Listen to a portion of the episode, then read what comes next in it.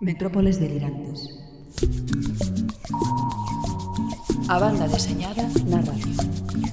Serotonina, serotonina, serotonina, serotonina,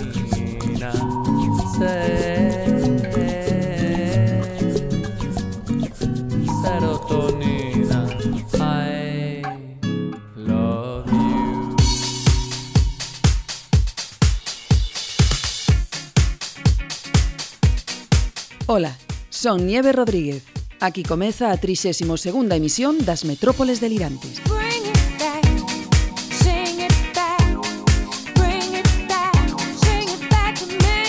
Comezaremos o programa, como sempre, coas novas da BD. O señor B anda estes días alucinado cunha BD que foi premio do xurado en Angulem 2013. Nos imprescindibles, unha BD que un non sabe se está mellor guionizada ou mellor debuxada. El Nao de Brown.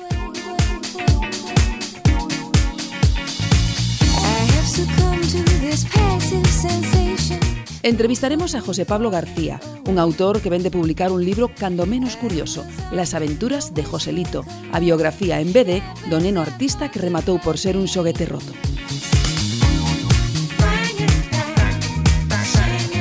E remataremos esta emisión coas novidades editoriais que chegan con Javi, dende a libraría a Gata Tola.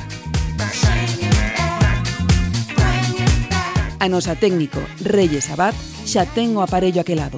Partimos xa.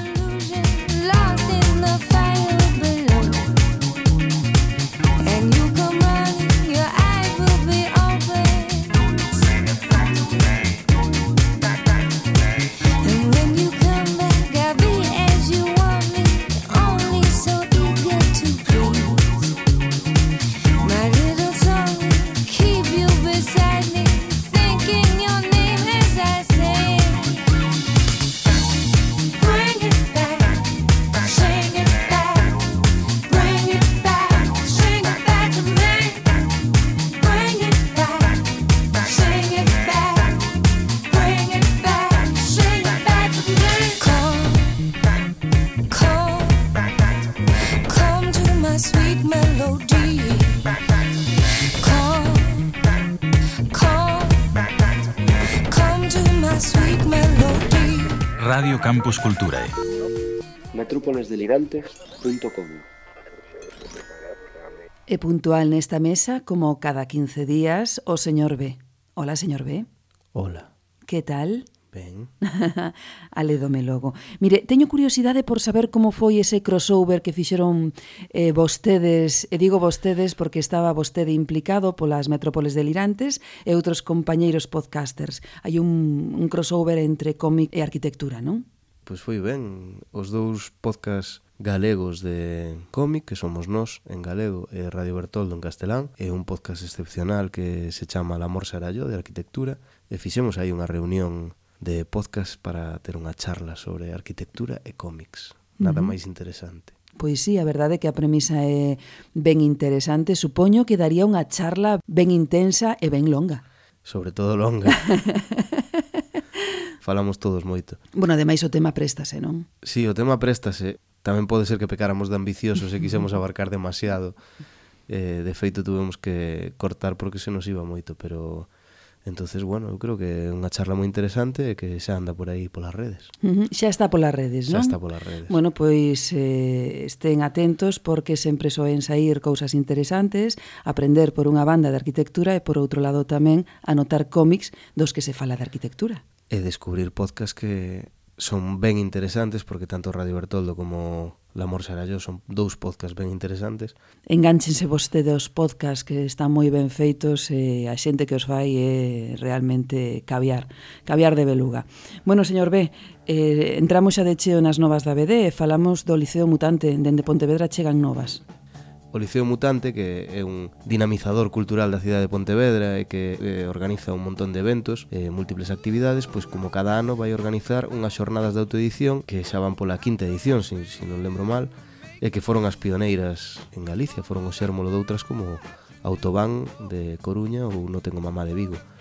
Eh, os vindeiros 27, 26 e 27 de xuño voltarán as fantabulosas xornadas de edición modesta que esta vez levan o nome de Gripo Gripo e como en anteriores ocasións, pois vai ser unha cita imperdible. E xa está aberto o prazo para presentar os proxectos para ter un espacio, eh, se queredes expoñer ali os vosos traballos, os vosos fanzines, os vosos, bueno, os traballos autoeditados. Ten cabida tanto tanto a BD como outras disciplinas, a música, o sea que é un evento ben interesante. Ademais feito nunha cidade ben interesante como nunha, é Pontevedra. Nunha cidade ben interesante que a envexa do resto das cidades galegas porque ten un movimento cultural. A ver se se se extende esa, esas ganas de facer cousas pola cultura cultura polo resto do país. Sí, sí, non como outras cidades que proíben os concertos e que proíben este tipo de cousas que igual non é o camiño. Proibir a cultura nunca é o camiño. Nunca é o camiño, é certo.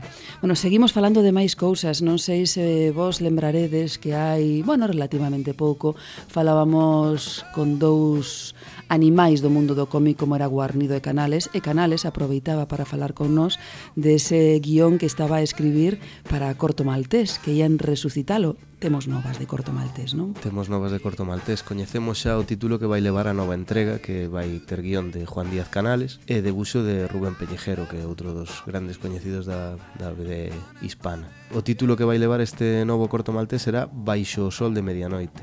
Parece ser que a liña vai ser moi fiel ao diseño de Hugo Pratt, e que o debuxante Rubén Pellejero pois, vai manter os clásicos atributos que fan inconfundible a, a Cortun, a pucha, bueno, a pucha de comandante, o abrigo de lapelas anchas, un colete vermello e tamén o pendente de ouro na orella esquerda.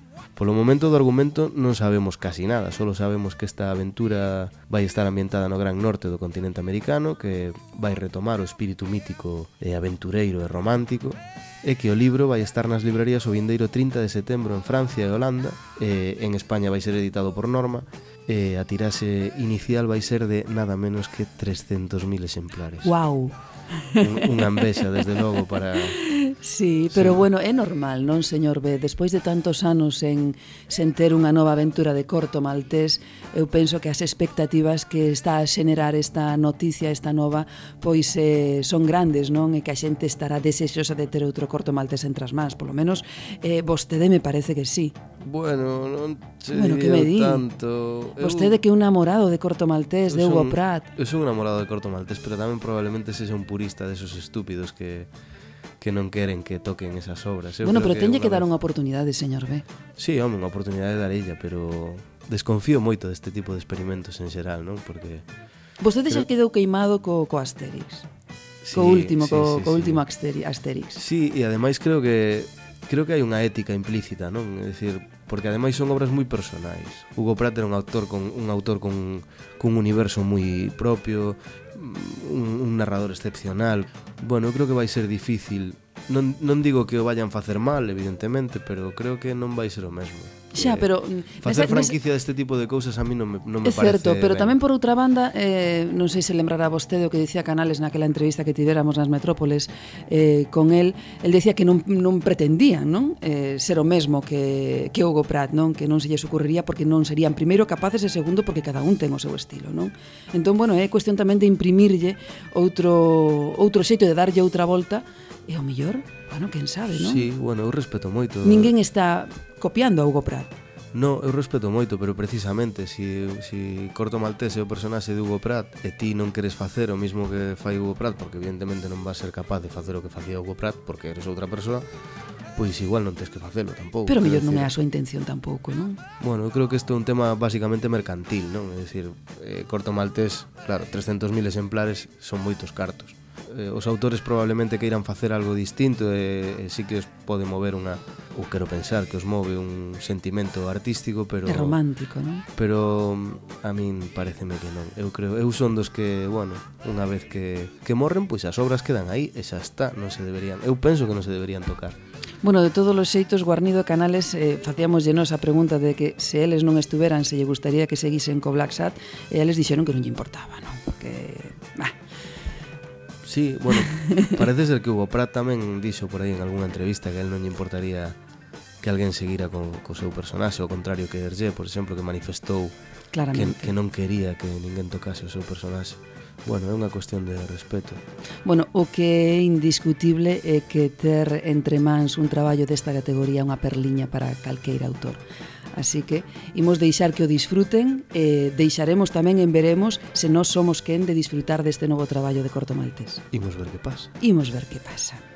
Avanzamos con máis novas e falamos agora de cine, non? Eh, sí, que ten ahora... como a protagonista a Luc Besson.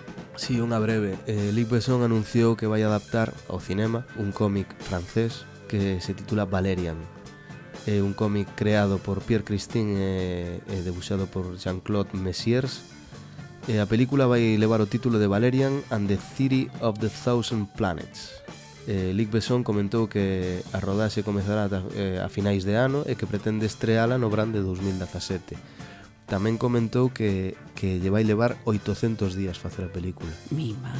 A ver que fai Luc Besson. Eso sí que é un plan de producción ambicioso. Os actores van estar encantados porque o ritmo que se roda hoxe en día van ter convocatorias de abondo. Sí, se, se cobran por días. ¿eh? sí? Sí, sí. Se cobran por obra igual, non tanto. Bueno, xa negociarán aí, non? Bueno, e seguimos con máis novas, non, de cine? Máis novas de, bueno, neste caso de televisión. Xa comezou a rodaxe da adaptación televisiva da serie Predicador de Garth Ennis e Steve Dillon, que vai ser responsabilidade, bueno, que vai adaptar a televisión a cadena americana AMC, que xa foi a responsable de Walking Dead, eh, vai dirixir Seth Rogen Bueno, a ver que fan con Predicador. Bueno, a ver que fan, sí, que é unha serie así de cómic moi aclamada e moi moi querida polos lectores. É difícil adaptar porque é moi políticamente incorrecta, sobre todo en Estados Unidos, porque uh -huh. os cómics de Predicador mm, son bastante uh -huh. salvajiños. Bueno, e temos que comentar tamén que DC Comics está envolta aí nunha denuncia un pouco para min absurda, conte, señor B. Esas denuncias que esas denuncias que lle gustan tantos os americanos, os yankees, non? Que DC Comics o 11 de maio pasado presentou unha denuncia contra a cantante Rihanna para impedir que utilice o nome de Robin, que é o nome que lle quere poñer esta cantante a súa marca de cosméticos e de moda. Parece ser que Rihanna presentou un, unha solicitude de marca na oficina de patentes e a editora de Batman considera que o nome é idéntico e moi relacionado con Robin, o compañeiro do home do morcego, e pensan que podería causar confusión, O curioso de todo este invento é que a rapaza esta chamase Robin Rihanna Fenty, é dicir, é o seu nome. e aparte Robin é con Y, o nome de dela. Sí, o dela sí, pero bueno, claro, sonan sonan igual. No pasado novembro xa houbo rumores de que de que o equipo de fútbol de Valencia que fora obxeto dunha denuncia uh -huh. por parte de DC porque o logo do o logo do equipo ten un morcego que está no emblema de, da cidade de Valencia. Bueno, rumoreouse que DC que lle puñeron a denuncia ao Valencia Fútbol Club para que non usase un novo deseño do morcego no seu escudo que se parecía demasiado o de, o de Batman. En realidade non houbo esta denuncia, eso foi un, un, foi bulo. un invento, un bulo pero sí que é verdade que o Valencia sí que iba a facer un novo emblema e sí que é verdade que desbotou esa idea non sei si por medo non sei se si por medo ou porque houve unha advertencia que non chegou a denuncia pero bueno, sí, algo, algo deu de haber Bueno, a min estas cousas parecen un pelín absurdas, eh, como se suele decir, in the days of my life, señor B. Bueno, rematamos? Rematamos, só so un brevísimo apunte, tivemos coñecemento de que xa está a piques de sair do prelo o novo libro de José Domingo. Primeiro vai sair en Canadá, según parece. Bueno, ten moi boa pinta, ten unha pintaza como todo que fai José Domingo, verdad? Eu, como decía un dos personaxes de Vicky el Vikingo, estoy entusiasmada porque a verdade é que o pasado ano cando José Domingo estuvo nas metrópoles, bueno, eh, estuvemos despois falando en que es que estás traballando, que estás facendo, e ensinábame no móvil o cousiñas que tiña, bueno, bueno, bueno, bueno, o traballón que debeu levar ese home para acabar ese cómic, a cantidade de personaxes, eh, o debuxo, a cor é impresionante, de verdade teño ganas de lelo xa e de velo. Deixámolo aquí, señor B. Adiantamos co programa, seguimos avanzando e como vimos dicindo en anteriores programas, agora sí, temo as mans en manteca. Pero, pero non hai moito... Chámome purrusa, por moito que la triques desta non salva lucú. Non, non, non. Delirante. Rajoy, yo te quiero, pero no te lo digo en gallego.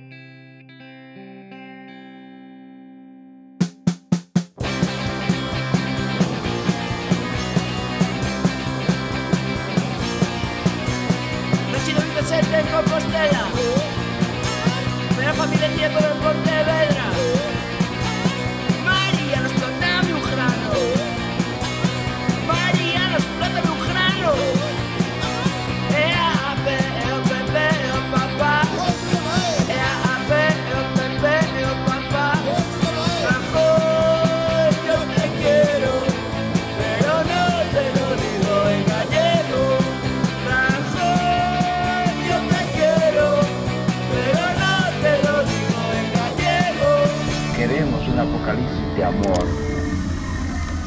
metrópoles delirantes.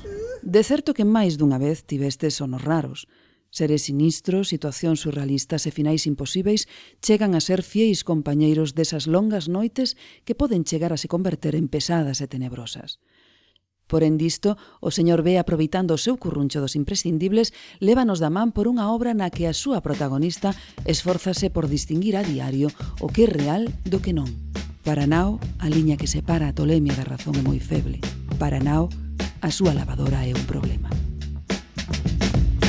Meet you downstairs in the bar and her Your rolled up sleeves in your skull t-shirt Glyn Dillon volta á banda deseñada logo de máis dun lustro para artellar unha historia inspirada, segundo o propio autor, nas vivencias ao respecto da enfermedade da súa nai, quen padecía unha estrana corrente do trastorno obsesivo compulsivo. Deste xeito, e para darlle visibilidade a esta realidade, nace el Nao de Brown.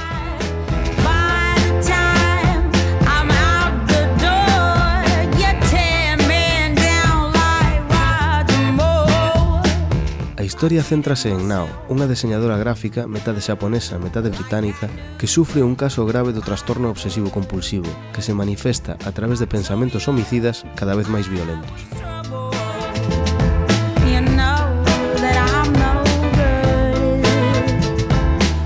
Nao ocupa case que todo o seu tempo en aplacar desesperadamente eses impulsos e en manter unha pátina de normalidade para que ninguén pense que hai algo errado nela. Tres meses de guión, seis borradores e dous anos para debuxar e colorear. Foi o tempo e o esforzo investido por Dillon para crear esta historia na que se mesturan o budismo, situacións nas que se evidencia a delgada liña que separa a tolemia da cordura e unha fantástica metahistoria protagonizada por un dos personaxes da serie fetiche de Nao, que constitúe unha clara homenaxe a Moebius e a Miyazaki.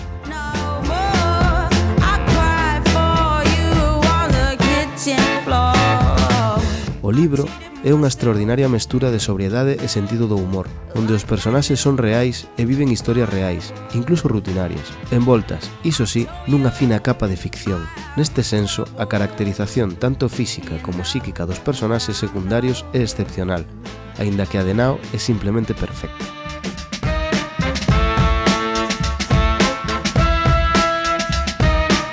Tamén ten importancia o papel da lavadora, unha metáfora visual que xa aparece na capa do libro.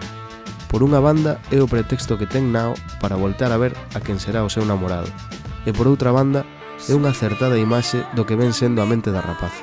Un continuo dar voltas e que só pode ser curado a través da meditación.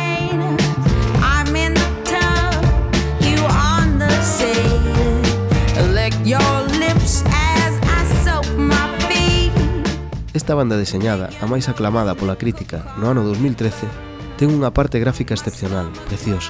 É toda ela unha colección maravillosa de temas visuais e literarios, onde as verbas e o debuxo conspiran xuntos e constatan que Dillon posúe incuestionables dotes para a arte visual.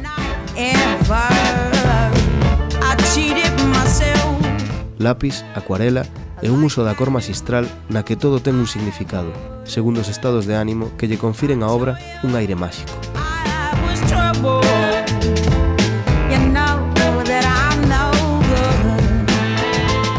El nao de Brown é unha obra delicada, onde a arte respira vida, pura poesía visual, que agocha un auténtico inferno mental e que acadou o premio do xurado no Festival de Angoulême no ano 2013 e o premio ao mellor libro nos British Comics Awards.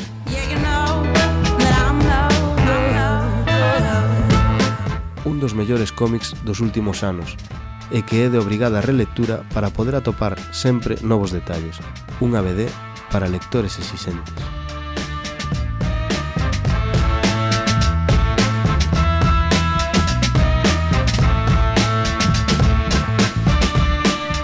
Chiamos en arroba metrópoles de. Tecnovidas 3.0 Tu punto de encuentro tecnológico. Podcast con entrevistas, directos, debates, actualidad. Búscanos en Spreaker, iBox y iTunes. Todo esto y mucho más en nuestra web Tecnovidas30.es.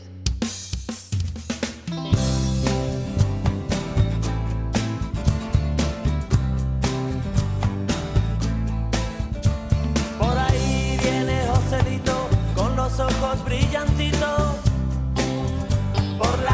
Peñón se ha tomado tres botellas de Coca-Cola llena.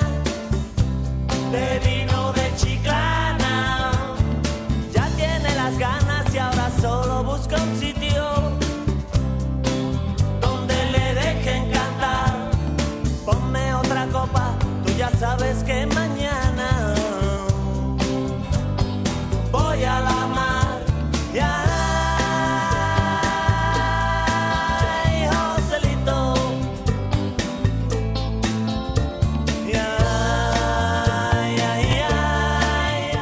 enfilamos la carretera al sur porque desde Málaga nos llega una obra biográfica sobre uno de los personajes typical Spanish de la canción popular, un personaje que nos trae aromas a naftalina y el recuerdo de una España no tan lejana. Hablamos eh, de José Jiménez Fernández, también conocido como Joselito, el pequeño ruiseñor, y del cómic que nos cuenta su vida. El autor de este libro es José Pablo García, al que hoy tenemos de visita en estas delirantes metrópoles. Bienvenido, José Pablo. Hola, buenas tardes. Nieves. Buenas tardes, buenas tardes. ¿Qué tal por Málaga? Muy bien. Bien, ¿no? Hace sí, tiempo de verano ya. Ya, ¿no? Bueno, yo creo que en Málaga ya hace tiempo, ¿no? Que hace tiempo de verano. Sí, sí, hace un par de semanas ya. Estamos Sí, con el bueno. Serral. Bueno, pues vamos a mm, hablar de este libro, cuando menos curioso, por su contenido y también por su continente, porque tanto el aspecto mm, del guion como del aspecto gráfico es para, para hablar sobre ello. Antes de nada, eh, enhorabuena por este libro, ¿eh, José Pablo? Muchas gracias. Bueno, esta es tu ópera prima como autor completo, ¿no? Sí, sí. Te estrenas contando la cara B de la vida de Joselito. Eh, y mi primera pregunta es, ¿por qué este personaje? ¿Qué clase de extraña o perversa relación tienes con una figura tan folclórica y tan kirch? Sí, lo que más le llama la atención a la gente es mi edad. Bueno, yo tengo 32 años y no me corresponde ni por edad ni por generación la, esa, el- la admiración por Sí. este personaje, claro. Pero mi madre sí, mi madre era muy era una admiradora ferviente de él durante muchos años. Vamos, iba al cine una y otra vez a ver las mismas películas y tal. Y en mi casa siempre hemos tenido vinilo de Joselito, lo hemos escuchado, hemos visto sus películas en VHS, estamos, hemos estado siempre muy familiarizados con él. Yo era más de Pablito Calvo, porque tenía la, la ventaja de que no cantaba y no me resultaba tan irritante. Y no, pero resulta que a, a raíz de investigar un poco sobre su vida, pues mi admiración, sí, mi fascinación hacia la persona más que hacia el personaje eh, fue creciendo. Y en este cómic lo que he tratado es eso, dar una visión más completa de toda su vida, de todas las facetas que componen eh, a esa persona y alejarme un poco del estereotipo. Que, Sí. Mm. Sí, sí, es decir, que has contado el lado más cosmopolita e internacional de Joselito. Como dices tú, te has alejado de esos estereotipos. Y me pregunto yo que este libro es una manera de, bueno, no de ajustar cuentas, pero sí de dar una bofetada así a todos aquellos que en un momento dado hemos hecho mofa. Y digo hemos porque todos en un momento dado eh, lo hemos hecho mofa de este personaje. Sí, sí, sí, sí. No, sí, sí, no. Un ajuste de cuentas, sí, sí. Yo tengo, yo tengo sed de venganza ahora mismo. Dios No, mío. ahora mismo alguien habla de Joselito así, hace alguna broma, es como si fuera mi padre. Sí. Eh, Sí, sí, totalmente. Te echas a él, ¿no? Y dices tú, ¿cómo que? Además lo conocí el otro día y es un encanto. Ah, sí, porque te iba a preguntar si lo has conocido, si sabes si tiene el libro o algo. ¿Has hace, estado con hace él? Dos días tiene el libro. ¿Ah, Sabía sí? lo del libro hace eh, dos semanas que él se enteró de todo esto. Ujú. que no le pedí permiso antes porque no quería tampoco que, que me influyera ni que y tampoco cómo le iba a explicar yo esto es que no no, no había ninguna justificación Pero, posible ¿qué, qué tenías miedo? ¿Que no te entendiera o algo? sí además no sé cuando empecé el proyecto me daba fatiga decirle que no sé lo que trataba de hacer y tal y a medida que iba pasando el tiempo se me hacía cada, cada vez más difícil porque digo me hace cualquier no comentario negativo ya me hunde en la miseria porque digo tantos meses dedicados a esto para que Así que nada, lo, lo hemos publicado sin pedirle permiso y, y nada, pero al final ha, ha reaccionado muy bien y eso, sí, sí. Una persona muy cariñosa que tiene mucho sentido del humor. además. ¿Le has dedicado el libro? Mm, No, todavía no. Ah, sí, ¿no? eh, no he tenido oportunidad de verle. Sí. Es que fue en una entrevista que me hicieron en Canal Sur hace Ah. dos, dos o tres días, sí. Que me hicieron la encerrona, ¿no? Que conectaron con Joselito, que también andaba por Sevilla allí y, tal, y estuvimos hablando. Ah, pues qué bien, ¿no? Pues un Sí, momento y así la casualidad que, que vino conmigo mi madre, que era y ya se quedaron ellos todos hablando de sus cosas, o sea que yo pasé a un segundo plano. Es decir, que tu madre está viviendo ahora un momento mágico a, a propósito del libro que tú has escrito. Sí, sí, Se está aprovechando ella de todo eso. Es que curiosamente en el pronto de esta semana aparecemos en la página 16 reseñados, o sea, reseñan el cómic y hablan de mi madre la mitad del artículo. O sea que, está acaparando toda la atención ella. ¿no? Es decir, se te está escapando un poquito de las manos. No pensaste tú que tuviese tanta expectativa y tanto alcance esto. Hombre, un poco, un poco sí. O sea, ¿Sí? yo... no, yo estaba muy enamorado de este proyecto, lo empecé hace cinco años, o sea, la idea y las primeras páginas, lo abandoné dur- durante tres años más, y bueno, y lo retomé el año pasado a, a raíz de, bueno, conocí a, a Jesús Ejido, que es el, el editor de Reino de Cordelia, estuvimos hablando del proyecto, pero yo no, no lo hacía con la intención de venderle nada, porque quería presentarlo al, al concurso de novela gráfica del FNAC, Sí, sí. a ver, sin posibilidad ninguna de ganar, porque por el número de obras que hay y también porque una obra de estas características es muy difícil de, de explicar. Y, y fue y me apoyó desde el principio, dijo que sí, que él era un gran admirador de Joselito desde siempre, que tenía una cosa personal con él y que quería sacar ese libro si en el caso de que no me premiaran, claro que era lo más probable, o sea, porque tampoco sabía si me iba a salir iba a salir bien parado del experimento. No, ya, ya. Después hablaremos de la parte gráfica, porque esto tiene telita, ¿eh? Que ha sido una improvisación constante. Sí, ¿no? página no sabía yo cómo me iba a salir, porque entiéndelo. No, no, sí, sí, lo entiendo perfectamente. Y después de leer el libro y de ver cómo lo has hecho, pues eh, es, es- es para entenderlo. Pero bueno, llegaremos a eso ahora. Eh, yo quería hablar del prólogo. El prólogo es de Jorge Javier Vázquez. Mm, ¿Ha sido una elección tuya o de la editorial? Eh, ¿No tienes miedo que todo el trabajo invertido, bueno, pues en dar a conocer otras Sí. facetas de la vida de Joselito, quede como diluido en agua de borrajas al ser precisamente la Sí. figura más representativa de los programas, digo yo, Jorge Javier Vázquez, ¿eh? de los programas de telebasura y de cotilleo y de periodismo que más daño le ha hecho al personaje? Sí, pero por otro lado, bueno, sí, claro que o sea, sí, sí, la, la reacción es negativa, siempre, claro. No, es, es un poco como paradójico, ¿no? fue una fue idea de- del, del editor, también ha sido una jugada maestra en todo caso de la editorial. A mí no se me hubiera ocurrido en la vida.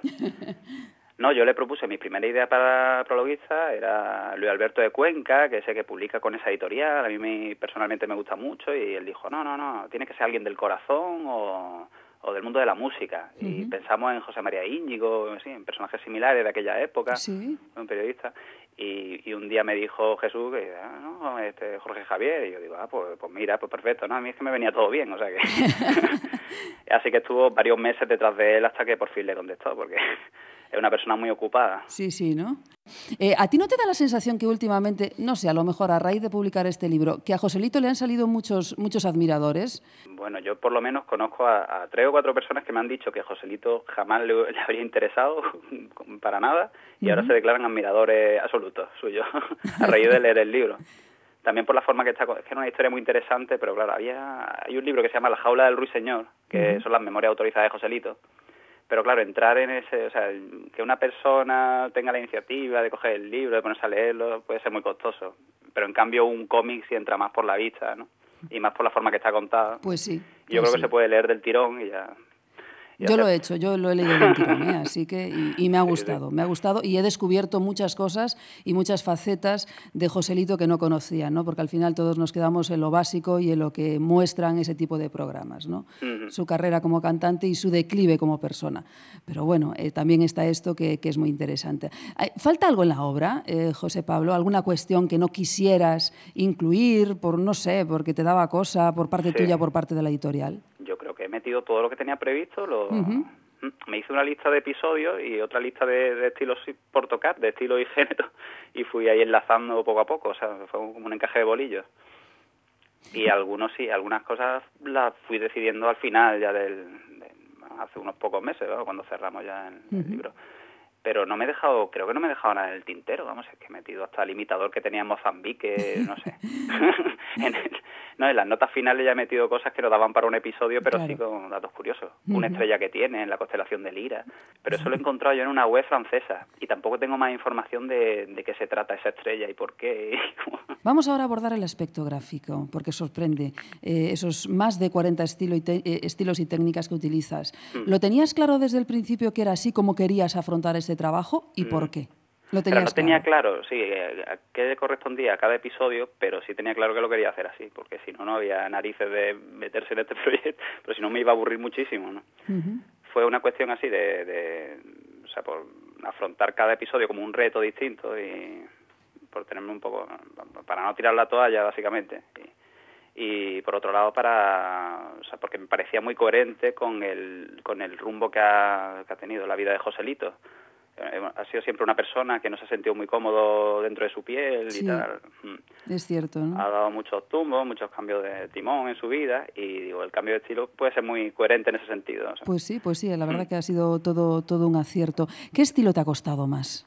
mm, no, no lo sé. eh, el, el episodio, el, el guion del- del género negro, este de la serie negra, ese sí me costó mucho. Porque no es un género, no, no he sido muy lector yo de novela negra ni nada y, y me costó mucho dar con, sí, con el tono y con el lenguaje que necesitaba. Después tampoco soy muy lector de superhéroes y ese episodio también me costó un poco. El, de, el del Papa. Sí, sí, sí. Pues a mí ese me ha encantado, de verdad. Ese y el de Marifé. El- esa vuelta que le has dado a ese arranque de celos y de ira que tiene esa mujer, la verdad es que está impresionantemente bien hecho. Sí, sí. Bueno, eh, hablé el otro día con Marifé sobre ese episodio. Estaba muy enfadada con eso. con- ¿Por qué?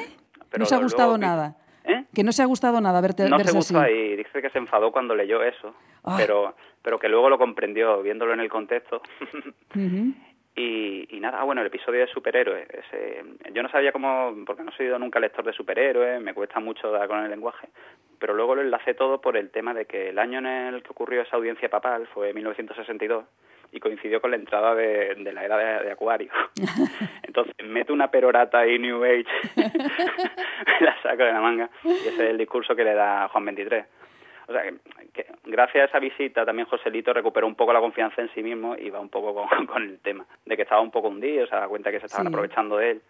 Y, y Juan 23 le dijo que, que hacía mucho bien a mucha gente, que, que se diera cuenta de con lo pequeño que era, que hacía sí, eso, que tenía que darse cuenta de la responsabilidad que tenía en la felicidad de, de todos sus seguidores. Y, no, y, Ah. lo, y lo motivó para que siguiera. Claro, claro, no, no, sí, sí, está, está muy bien, está muy bien Mm, sí, es- explicado. Bueno, la verdad es que los personajes secundarios de este libro son impresionantes, ¿eh? desde, el Papa, desde el Papa Juan XXIII hasta Frank Sinatra, pasando por el Che Guevara y, y- por Fidel Castro. Vamos, que, que Mm. el mejor no... presidente de Estados Unidos.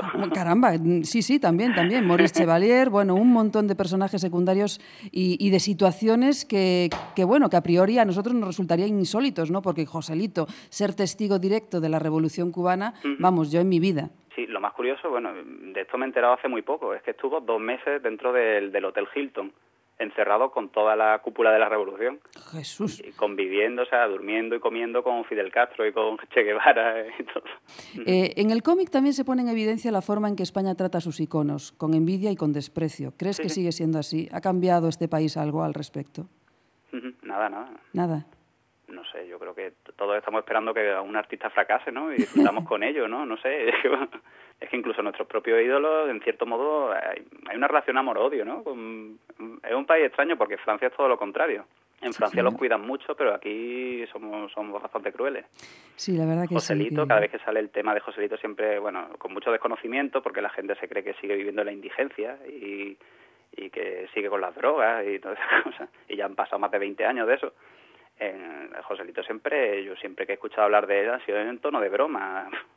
Incluso gente que han sido admiradores suyos de, de pequeños. No, no voy a decir mi madre, a mi madre no la voy a tocar. no, pero gente que sé que sí que lo han seguido de niños y tal, pero después sí hacen bromas crueles sobre el tema de la cárcel y la droga y eso. Y me resulta muy triste, sí. ¿no? Pues sí, la verdad que sí, que, Mm. sé que es un poco triste. Bueno, ¿cómo va el libro? He leído por ahí que va por la segunda edición. Va, la segunda edición se sacó a la semana porque se agotaron los, se colocaron todos los ejemplares. Y, y no sé cómo van las ventas, eso nunca se sabe, ¿no? Pero espero que muy bien. no pues con la segunda edición y así en tan poquito tiempo, la verdad que va como un tiro. Sí, sí, va como un tiro, sí, sí. y bueno, ¿y en qué, en qué estás trabajando? Ya para ir terminando. Estoy ahora en un proyecto para la Universidad de Málaga sobre la historia de la, de la Facultad de Económica, que es una de las más antiguas de, de- bueno, cumple 50 años, no sé si es la más antigua de España, pero sí es la más, la más antigua de aquí.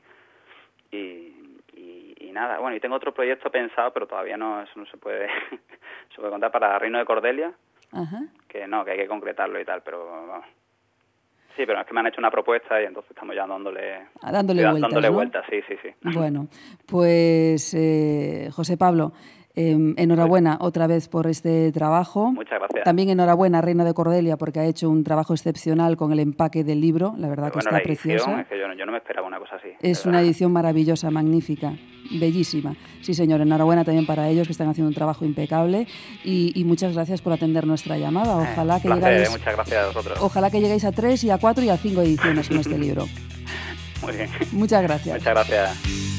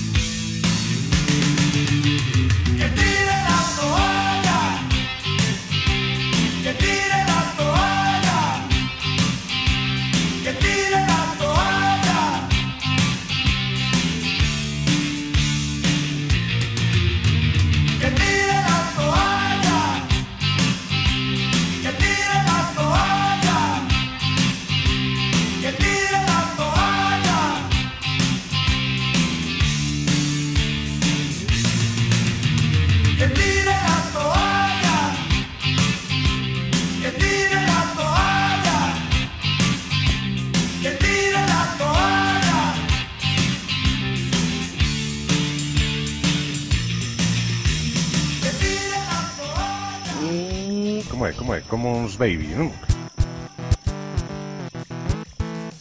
Como uns baby. baby. Porque o común non sempre é vulgar. E compartir non é roubar. Escoita Commons Baby, música libre para ouvidos sen parás.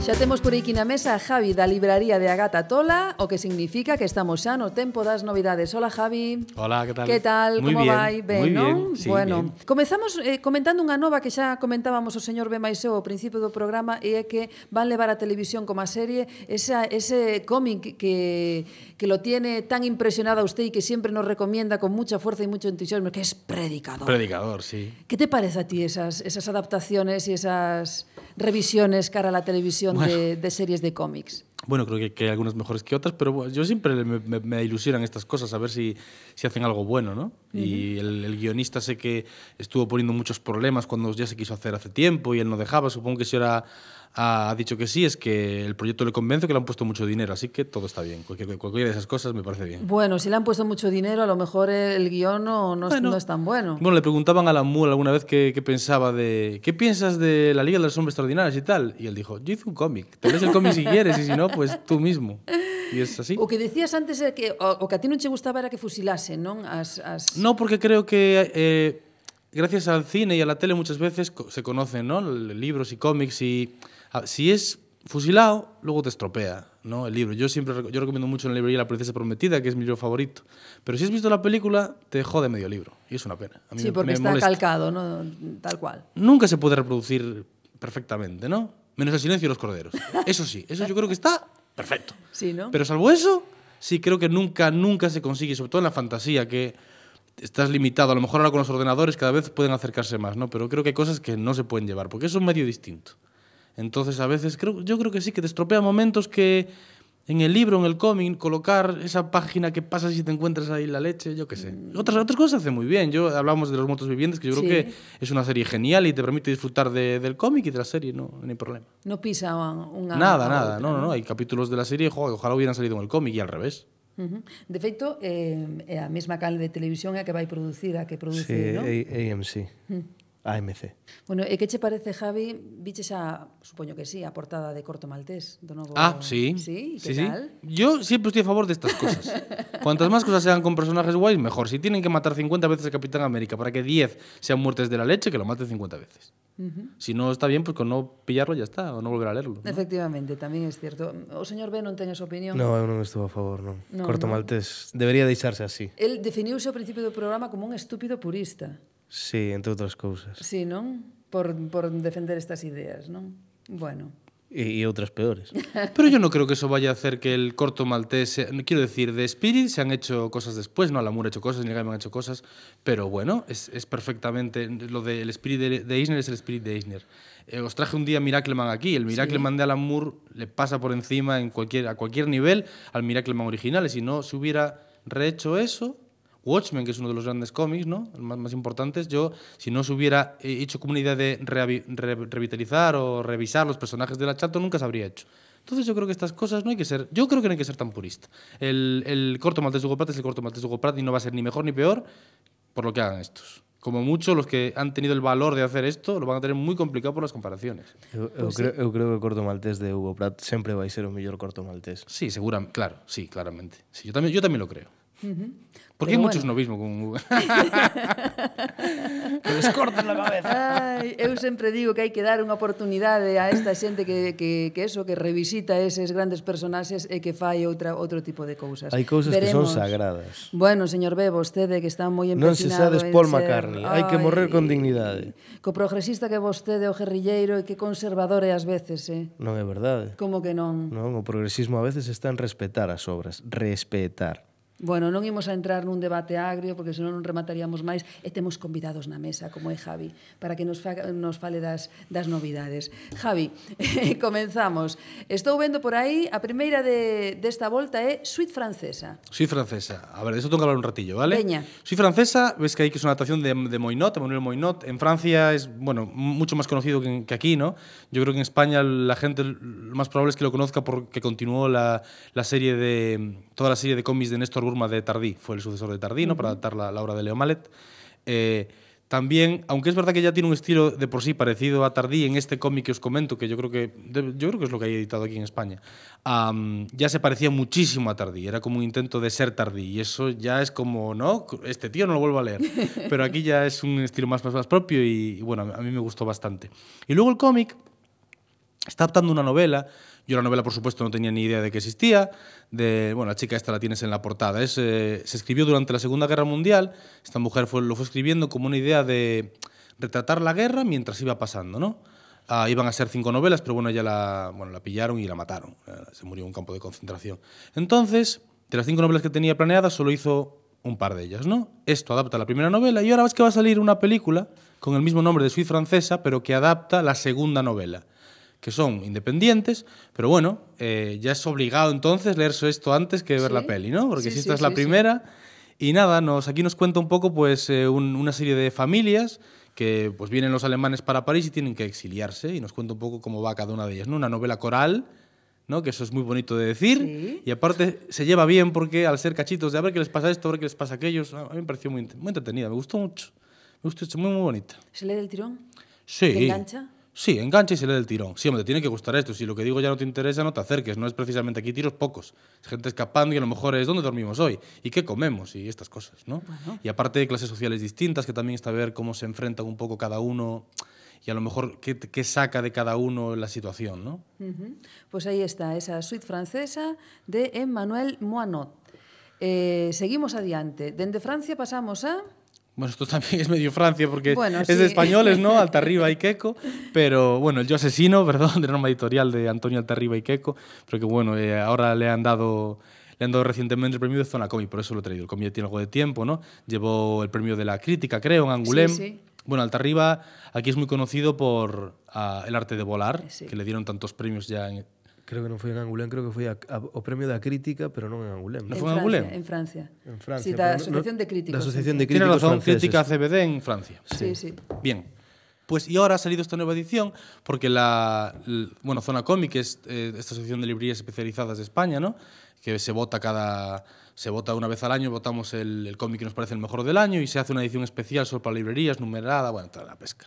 Bueno, y como ha salido ahora hace poco, dije yo, pues mira, aprovecho No, para sí, sí, está moi ben porque nós tampouco tuvemos oportunidade de recomendalo nas, na, na sección de novidades, así que está moi ben recomendalo. Fala, fálanos del. Bueno, pues aquí alta arriba se pone, ¿no? Ya han añadido yo asesino, el, de hecho el protagonista, si luego leyéndose es, está, es, es él, ¿no? Se está dibujado, está basado en él. Y es un profesor de arte que se dedica pues a matar, pero por, por arte, ¿no? Él, él plantea el asesinato como una obra de arte. Pero bueno, aquí lo alta arriba usa, usa esto como excusa para disertar un poco sobre la maldad inherente a las personas, ¿no? Que si es necesario algo que nos impulse a ser malos, o, realmente es algo que ya llevamos dentro, ¿no? Habla un poco de eso, teoriza sobre eso. Es cierto que ya en el cómic se teoriza a veces sobre, sobre otras cosas, ¿no? No solo sobre el, asesinato, sobre otras cosas y deja bien claro de que una cosa es teorizar y otra cosa luego es llevarlo a la práctica, ¿no? Pero él le sirve de excusa para esto. Y luego se tratan otros temas, hay debate político, ¿no? Porque está el, el sucede en el País Vasco, entonces también se menciona un poco el conflicto más social que otra cosa que hay allí, ¿no? Me refiero a la parte social del conflicto, no digo que el conflicto sea solo social que hay Sí, sí. en el cómic, ¿no? Y luego pues la vida de pareja del protagonista. Bueno, yo a mí me gustó mucho porque no va, va más allá de novela de asesino y a ver si lo cogen. ¿Sabes lo que quiero decir? ten moi boa pinta eh, ten, ten unha gráfica moi peculiar porque é como casi en, en branco e negro pero sin grises prácticamente. Sí, o sea, bueno, detalliños, ¿no? De sí, gris, Keiko tiene ese rollo de claroscuro pero muy, muy heavy, ¿no? Muy azul y negro. Lo, los grises que vemos y a lo mejor en el pelo de él es porque es negro punteado este, ¿no? La trampita. Sí. Pero logo, sí, prácticamente masa de negro y blanco. E logo ten algo de vermello que son os detalliños de color. Uh -huh. Aínda que ten unha cousa que xa comentamos Javi Maiseu fora de micros que a mí non me entusiasma moito que é algo de Photoshop demais. Hay mucho Photoshop, hay mucha, eh, mucho paisaje fotografiado, integrado en el dibujo, pero yo eh, comentaba al señor B que está muy bien integrado. Pois aquí está esta obra, Yo asesino. Bueno, él falaba, Javi falaba antes de que era Antonio Altarriba, El arte de volar, que foi mm, Premio Nacional de Cómic no ano 2010, Ajá. ni máis ni menos, así que ah, pois e aí que queda. veremos a ver se non lle dan por este tamén, porque... Ti pensas? Bueno, eh, tendo un premio da crítica francés é bastante peso, eh? Bueno, como pero para, están aí las meninas para... también. Hay que ver, sí, siempre aquí casi El depende más. A veces de- hype. hay una Sí, parte ¿no? importante que son los competidores. Efectivamente, non solamente hai que ver as obras que temos na man e dice, oi, esta se lo merece, senón que tamén, como di Javi, Yo lo que consigue este hombre es que los dibujantes que coge, que mira que yo no soy ni fan de Keiko ni de, ni de Kim, pero en lo que hacen con él, a mí lo de Kim me pareció increíble. Yo, dos páginas de Martínez del Facha es que no puedo. Hmm. y el otro me Sin lo embargo, leí... arte de volar empezas sí. a lelo en, eh, sí. chega un momento que, que pasas incluso sí. de debuxo, non? Que como que non Mucho máis fluido de lo que suele ser para mí ese hombre sí. y Keiko igual, a mí es un hombre que me cuesta, también siempre se ha movido en ambientes moi independientes, pero aquí moi bien. Sí, sí, moi moi buen narrador, non como outros que fan hypes. Non Bueno. digo máis. Eh, yo asesino Antonio Altarriba, Queco, aí está esa obra recomendada tamén por Javi. E temos aquí El unha obra de Astiberri. Sí, es Ciudad. una reedición de Ciudad de eh, Jiménez y Barreiro, eh, dos grandes de la historieta argentina, ¿no? Y un clásico que había que recuperar ya, ciencia ficción de la buena, ¿no? Aquí el, protagonista, Ah, en genial blanco y negro, porque claro, hablamos de Jiménez y todo el mundo se piensa en los metabarones. Pero a mí esta faceta suya, vamos, me gusta más. Igual es que yo también estoy un poco rancio aquí. Pero bueno, tiene otro, ¿sabes? Otro regustito esto. Bueno, aquí el protagonista Jan se, se pierde por la ciudad, ¿no? Discute con la novia, se va y se pierde. Un poco como le pasa eh, al protagonista de Paco Roca en, en las calles de arena, ¿no? Pero eh, aquí, claro, la ciudad esta lo engulle y empiezan a circular por ahí personajes desde Drácula hasta Alien, ahí hay de todo. Y es la excusa para contar, pues bueno, historias cortas tan apropiadas para las revistas donde se editaba esto antes, ¿no? Pero bueno, hay un hilo conductor por detrás, entonces tú vas viendo cómo avanzan los personajes, pero bueno, yo, increíble, me parece un must-have. Sí, unha obra que hai que ter que... Hay que tener más de 25 años para leerla, porque si no, no vas a dar, ¿sabes? Esta gente nueva, ay, los jóvenes, bueno. Los jóvenes pueden leerse Predicador, ¿ves? Muy ¿Ves? bien. Predicador. Pero esto a lo mejor aún hay que, hay que, tener, que un poco, un poquito, ¿no? hay que tener un poco de pozo, porque está, se nota el tiempo, ¿no? Estas cosas al final se nota el tiempo. Bueno, pero notas o tempo, pero pero son obras tan ben feitas que de que perduran, non? Sí, sí, yo eh, creo que es necesario que esto esté, pero no es para empezar. No voy a empezar con la ciencia ficción en el cómic, voy a pillar Ciudad de... Bueno, a ver, Sí, tú mismo. complexo, sí, sí. Pero bueno, son dous con Oestergel e eh, López Solano, pois pues, probablemente o póker de autores. Sí, Barreiro guionizou guionizou ¿no? secuelas del, del Eternauta, una, una ou dos, ya no, aí sí. me haces dudar. Y Jiménez, bueno, yo creo que ahora mismo de, yo creo que debe ser ¿no? el, el dibujante argentino así más famosete, que con lo de la casta dos metabarones el tío se ha montado. Sí, sí. Eso fue la leche. É certo, é certo. Isto é un integral, non? Sí, eso es todo. Isto é todo, non? Sí, ah, yo- porque decía eu, o formato é ben cómodo, eh, para levar no autobús, como dixo eu. Bueno, es la tercera edición que hay en España. Hubo dos tomitos de Time, luego lo había publicado 001 en un tomo grande, que es con el que me había hecho yo, y ahora Stiberri aquí le ha puesto flamante tapa dura y un precio, creo que son 24 euros, que yo creo que está muy bien para esto. Ah, el pues tamaño sí. no es A pequeño. mí ¿eh? parece que está moi ben editado que ten 24 un formato moi cómodo para leer. Sí? Un formato, sí, Pero grande. para leer na casa. Bueno, me... Bueno, es el formato que tiene que tener porque es como está concebida esta obra para el tamaño de revista, ¿no? Seguimos adiante. Bueno, la tumba de Drácula es para tener. Esto te lo compras y lo tienes ahí por la importancia que tiene. Hablábamos hace poco en la librería de la reedición del Espirú de Franquín. Los primeros Espirú, eso, ver, Sí, son... hay que bueno, admitir que eso es un poco durillo. Si sí. me sacas un tomo de 500 páginas con el Espirú, pues yo me lo voy a tener ahí y a lo mejor a lo largo de mi vida lo voy leyendo. Y es lo que hay que hacer con la tumba de Drácula. ¿no? Pero bueno, como es muy importante, yo creo que comentaba que es de los primeros cómics así con el, el malo protagonista, ¿no? Y aparte siempre tienes ese rollo de no saber qué va a pasar. ¿De esta Drácula se sale con la suya o lo fastidian? Porque si fuera el Capitán América siempre se tiene que salir con la suya. Pero aquí es Drácula, así que puede que no.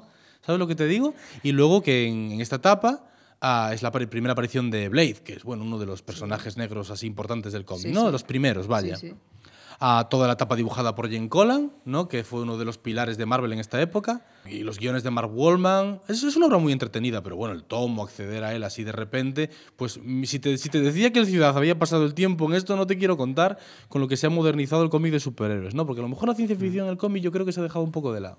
Sí, además ten ese aroma, eh, ese aroma de, da Marvel dos 70, non? Ajá. Parece un, unha cousa agradable para ver e para ler, non sei, igual é que me recorda a infancia os No, Spiderman y seguro os- que una historia te la puedes leer Batman. bien, pero ¿te imaginas leerte cuatro de estos seguidos? No, pero Uf. o que decías ti antes, pois collelo, ler unha historia, deixalo, e a semana seguinte ler outra historia, sí, pouco a pouco. Sí, yo creo que es lo que, es- lo que están haciendo con esta colección. Tamén igual é a forma de disfrutar os libros, porque parece que ahora todo hai que facelo xa inmediatamente e, e compresa, non? E a veces tamén as cousas necesitan repouso, non? A veces hai que ler, repousar, volver a ler.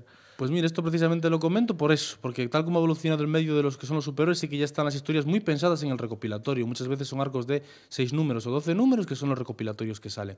Pero estas historias estaban pensadas para disfrutar número a número, aunque continuase. Era otra cosa. Entonces, a veces nos falta esa costumbre de leer así. El Ciudad igualmente estaba pensado para leer, ¿no? En una revista, una historia completa. Entonces ahora parece que tendemos a todo, me lo voy a fusilar. No, calma, Sí. calma, ¿no? Y pues aquí han editado, ¿no? Esta, no sé si he traído algo de esto aquí, pero en esta edición han sacado Los Eternos de Kirby, su Pantera Negra, han sacado el Hulk este para adultos en blanco y negro. Bueno, yo creo que esta edición era necesaria. y La tumba de Drácula es un- una gran etapa para recopilar. E que precio ten, sabes? Pues Non no, no tengo ni idea. Yo estas cosas, la verdad, lo siento mucho. A ver si lo, empiezo a É apuntar, ¿vale? curiosidade, é cu- é por curiosidade, non? Para, para, bueno, é unha información máis sobre, No es muy sobre caro, ¿eh? libros, eh? Non, No, que lo miren en internet, pero no es muy caro, estoy seguro que no. No, porque no. estas ediciones son bastante baratas para non, lo que non traen. miredes en internet, internet, achegádevos ata Gata Tola. Home, que tamén estará, podes venir a preguntar. Claro, claro, aí estará claro. Javi e tamén estará um, Santi sí, sí. para informarvos a todos. Que Lo bueno de los libros en España es que el precio está puesto, no, nadie se, no se puede andar a jugar con eso. Entonces, sí, es en la página oficial de la editorial, ahí están ahí precios está. de todo. Ademais, se van pola Gata Tola, deberían prepararse un par de temas controvertidos e chegar ali e así como que non quera cousa dicilo, non soltalo no aire, o día que estén os dous. Entonces aí xa se monta o debate. O debate. Bueno, sí, sí eso, sí, eso pasa todos los días. Non tuvimos una ayer, ay, Dios mío. vale. Bueno, pois Javi, moitísimas gracias por estas recomendacións e por colaborar outra vez coas metrópoles delirantes. Nah, moitísimas gracias. Me echaron droga delirante en el colacao. Chegamos a Porto despois desta viaxe pola BD que comezaba co imprescindible que ten impresionado, señor B, El nao de Brown, unha obra perfecta que non debe faltar nas vosas bedetecas. Falamos con José Pablo García, o autor de Las aventuras de Joselito, unha peculiar eh, BD editada por Reino de Cordelia, na que nos conta a vida do neno cantor que é cando menos peculiar. E no final do programa, as novidades editoriais que trouxo Javi, o libreiro no que Jodorowsky inspirou os seus metabaróns. Seguimos falando de BD en Twitter en arroba metrópolesd e tamén en metrópolesdelirantes.com. E lembrade, le de banda deseñada que contra as súas promesas falsas temos vontades verdadeiras. Metrópoles delirantes. A banda deseñada na radio.